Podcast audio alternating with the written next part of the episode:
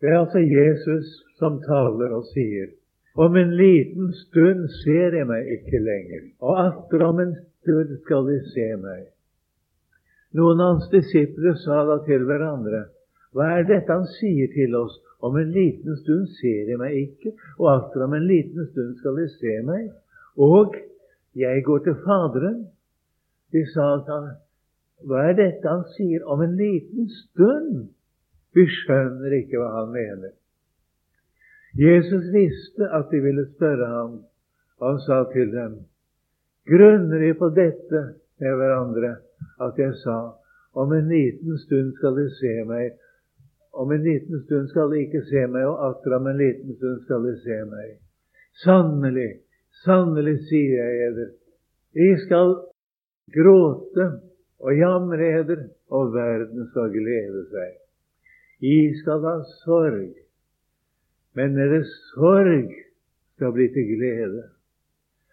Når kvinnen føder, har hun sorg fordi hennes tid er kommet.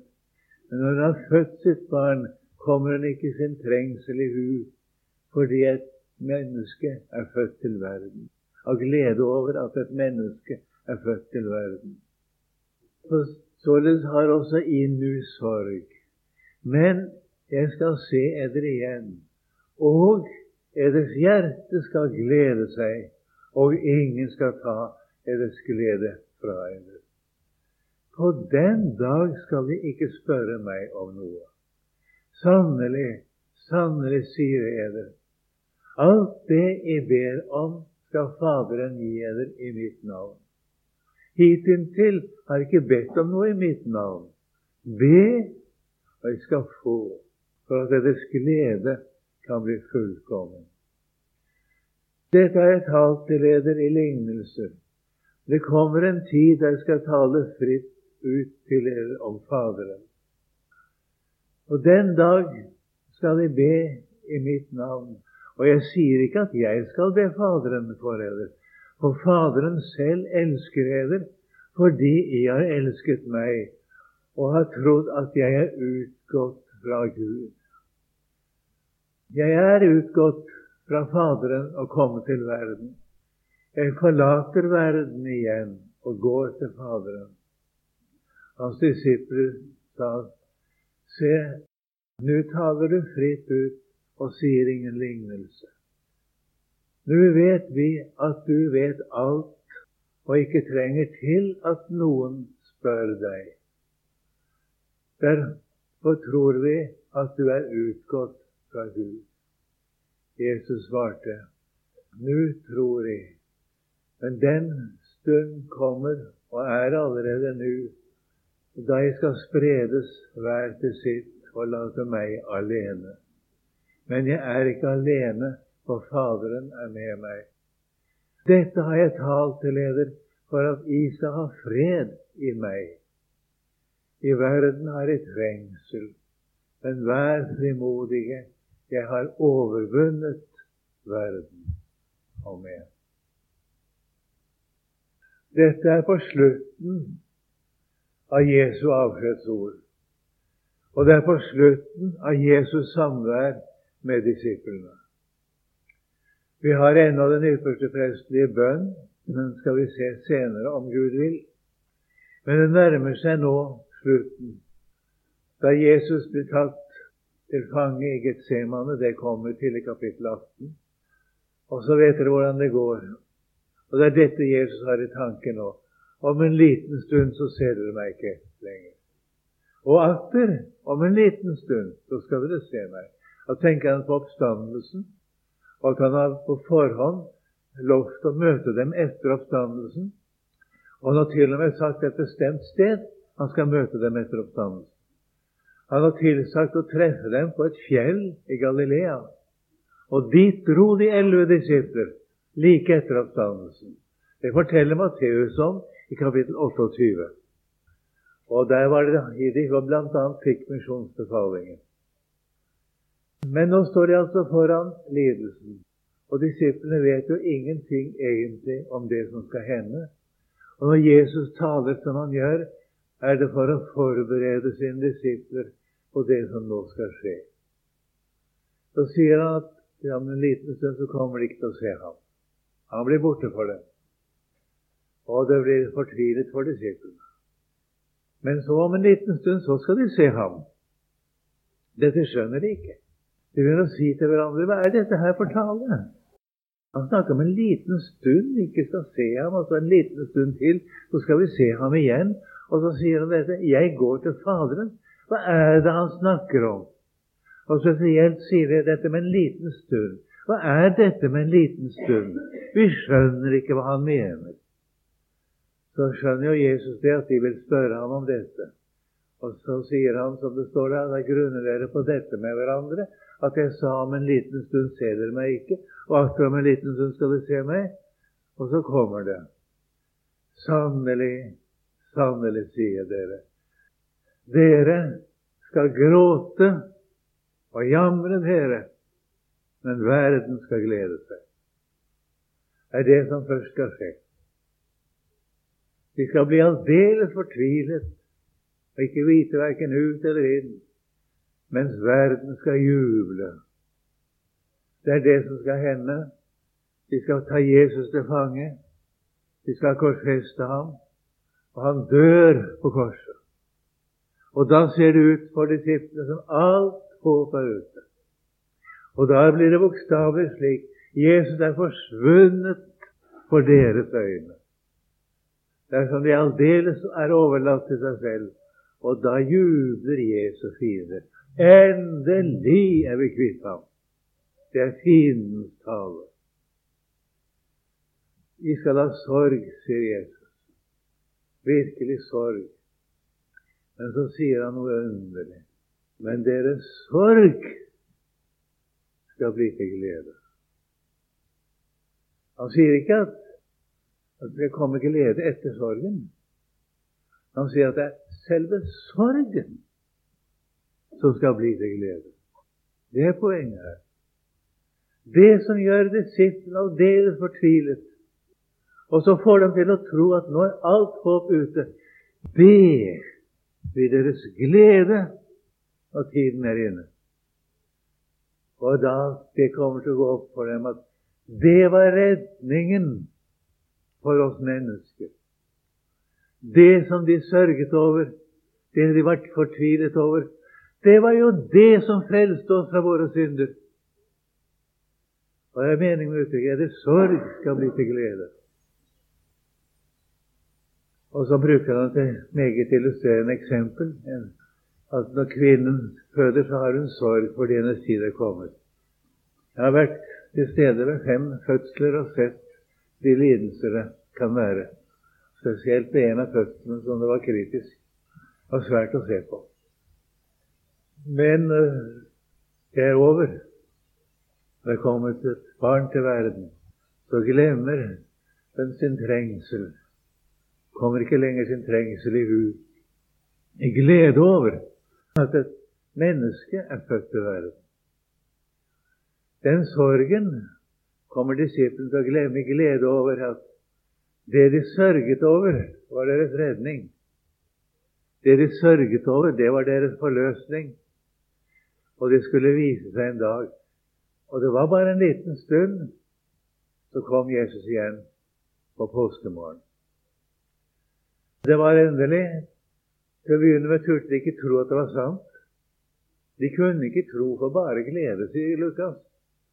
Det var så stort, og det var så ufattelig at noen kvinner var kommet til graven og hadde funnet en tom. Og der var en engel fra himmelen som fortalte at Jesus lever. Og en av kvinnene, Maria Magdalena, hun møtte Jesus lys levende. Hun kjente ham ikke igjen til å begynne med trodde det var gartneren. Men da han nevnte henne på noe annet, Maria, så, så kjente hun ham. Og så sier Jesus, gå og si til mine brødre, jeg farer opp til min Fader og eders Fader, til min Gud og eders Gud. Da sidestiller Jesus seg med sine disipler, min og eders. Det gjorde han ikke før. Men nå er frelsen fullført. Nå eier disiplene det samme som Jesus eier. Jesu barnerett og Jesu arverett hos Gud. Og nå er Jesus allerede blitt den førstefødte blant mange brødre, slik som han skal stå i det fullkomne Guds rike, som det heter i Romerne 8. Og så sier disse kvinnene at Jesus hadde sagt at han drar i forveien for dem til Galilea, og der skal de se ham slik som han har sagt. Det hadde Jesus sagt, bl.a. som det står i Matteus 26, at han ville gå i forveien for dem til Galilea når han var stått opp etter de døde. Da forsto ikke disiplene riktig poenget med det.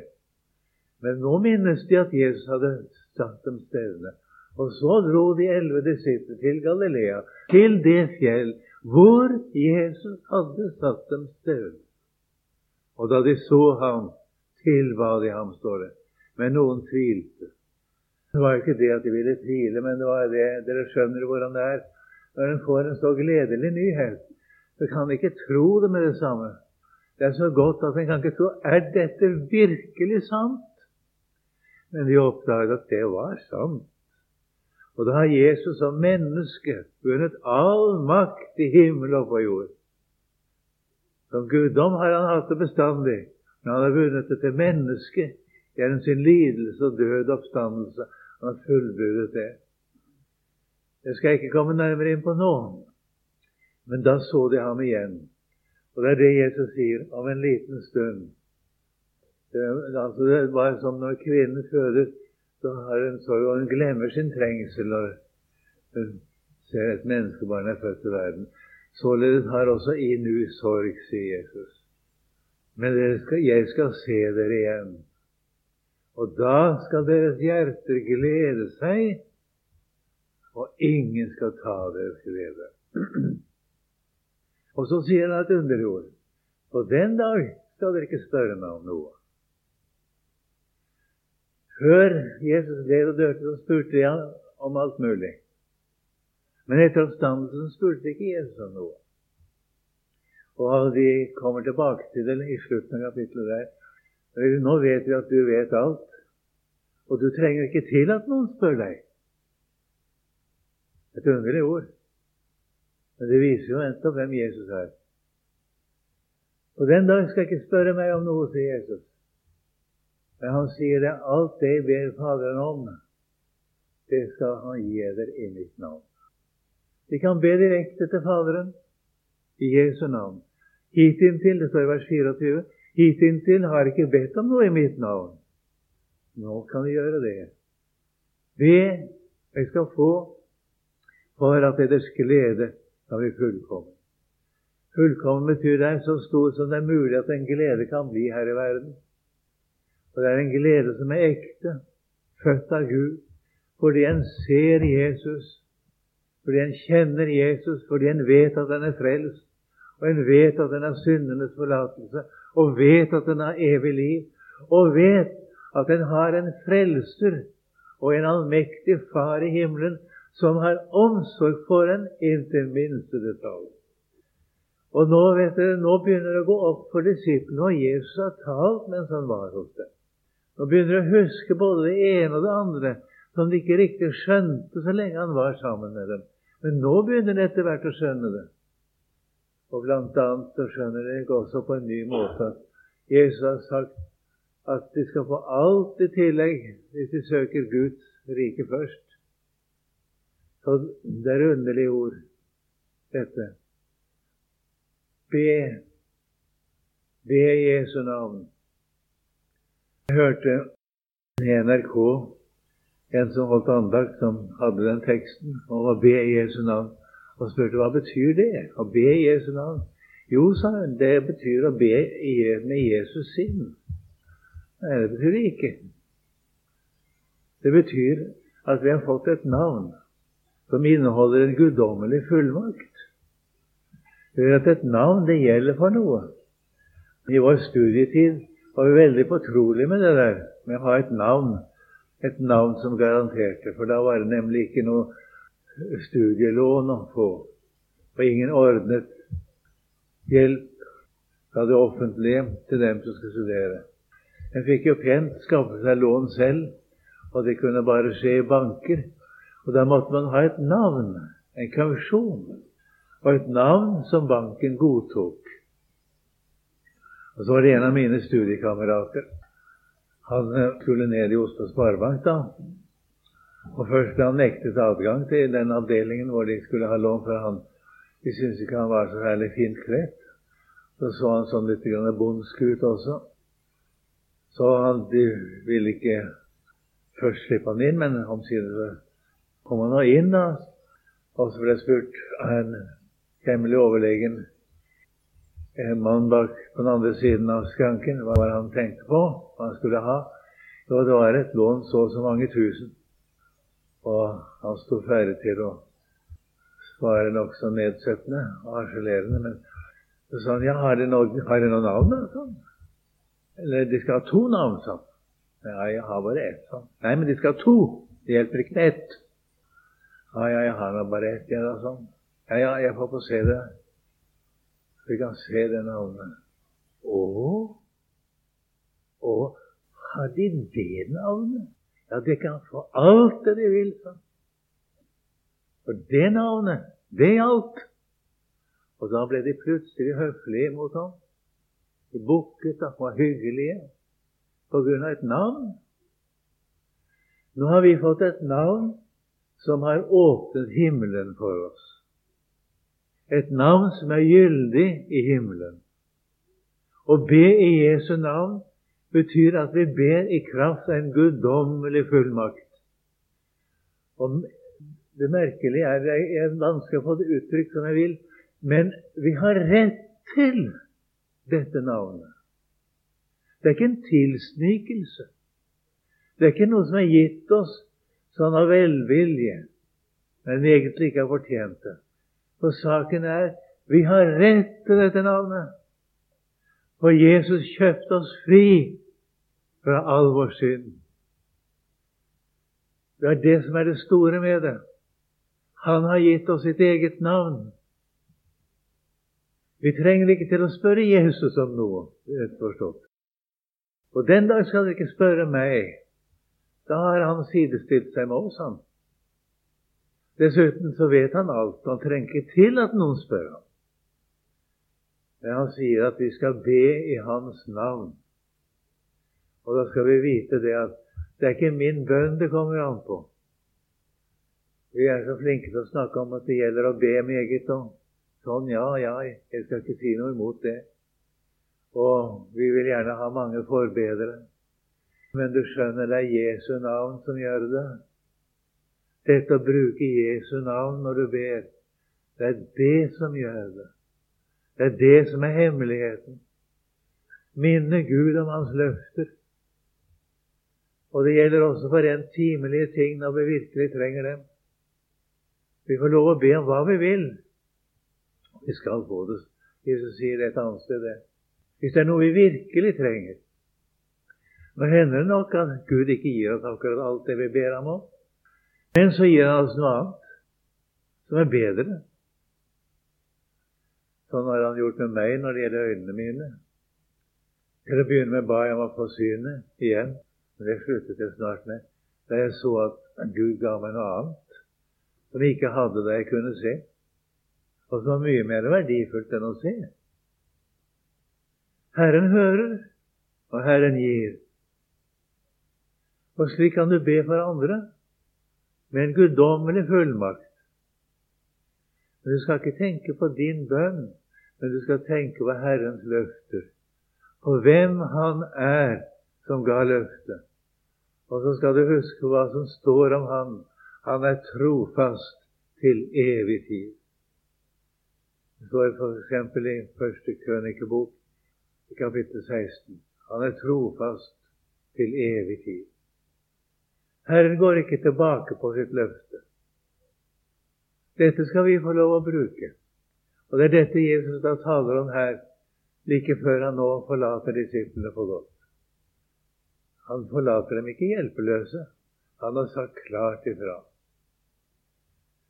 Og så fortsetter han jo videre. Han sier da har talt til dem i lignelser meget, og har ikke riktig kunnet tale fritt ut om Faderen.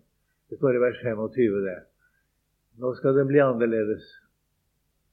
Og så sier han i vers 26.: På den dag så skal dere be i mitt navn. Og jeg sier ikke det at jeg skal be Faderen for dere, for Faderen selv elsker dere fordi dere har elsket meg og trodd at jeg er utgått fra Gud. Ved at du elsker Jesus og tror at Jesus er den han i virkeligheten er, Guds egen sønn, født av Faderen fra evighet, og som er kommet ned fra himmelen. Det sier han selv. 'Jeg er kommet ned fra himmelen'. Og han har gjort alt det vi skulle ha gjort, men ikke kan. Har blitt alt det vi skulle ha vært, men ikke er. Og han har tatt hele dommen og straffen som vi ellers måtte ha tatt. Og da hadde vi vært fortapt. Så har han frelst oss. Den som tror dette, blir elsket av Faderen. Og vi har vært inne på det allerede i kapittel 14 her mer i begynnelsen av Jesus' avskjedstaler, det er vers 20, kapittel 14, 20, at om noen elsker meg, da skal han elskes av min Fader. Og jeg skal elske ham, sier han, og åpenbare meg for ham. Det er store løfter til dette. Når du regner med Jesus Du må ha Jesus. Det er han som er din tilflukt. Det er store ting som har hendt deg når du har det slik. Det å elske Jesus betyr ikke at vi er fornøyd med vår egen kjærlighet til Jesus. Det gjør det ikke. Men det betyr at Jesus er den umistelige. Det betyr at Jesus blir den for oss som han i sitt ord sier at han er. Da elskes vi av Faderen, og veien er åpen. Og da var det Jesus kunne si til dem at ja, jeg er utgått, kommet fra Faderen og kommet til verden. Og jeg forlater verden igjen og går til Faderen.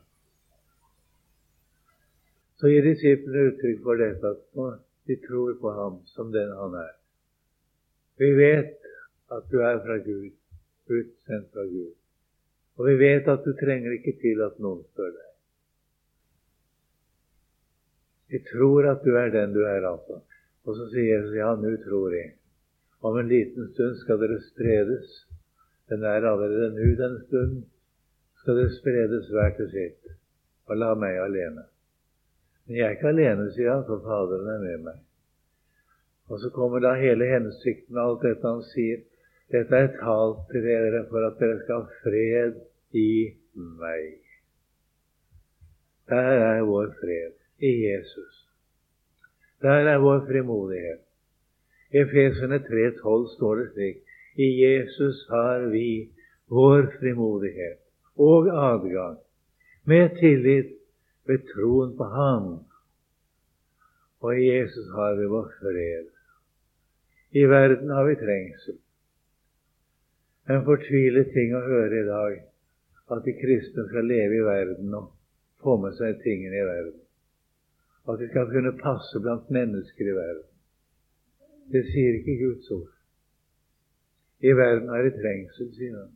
Han har tidligere denne talen sagt i kapittel 15, i vers 18 og de følgende vers, Hva er i av denne verden? Da ville verden elske sitt eget. Men fordi jeg ikke er av verden, men jeg har utvalgt deler av verden, derfor hatet verden er Det Det sier Jesus. Og Johannes sier i sitt første brev, i kapittel 2 og vers 15, elsk ikke verden, heller ikke de ting som er i verden. Om noen elsker verden, da er kjærlighet til Faderen ikke i ham.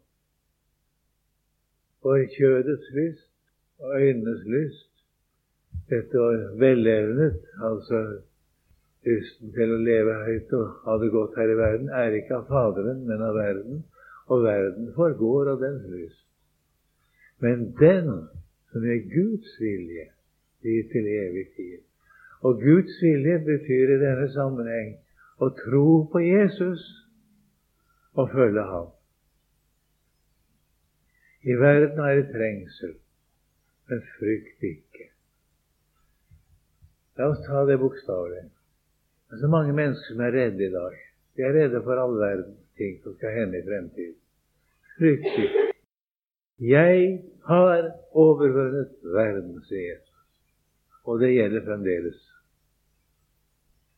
Kjære Jesus, vi takker deg fordi du har talt dette, og ber at du må legge det inn i oss, Jesus. Takk fordi du har all makt i himmel og på jord. Og takk fordi det skal gå slik som du har sagt i ditt ord. Og en dag kommer du igjen og opprette den nye himmel og den nye jord. Herre, la oss få lov å være rede når du kommer igjen.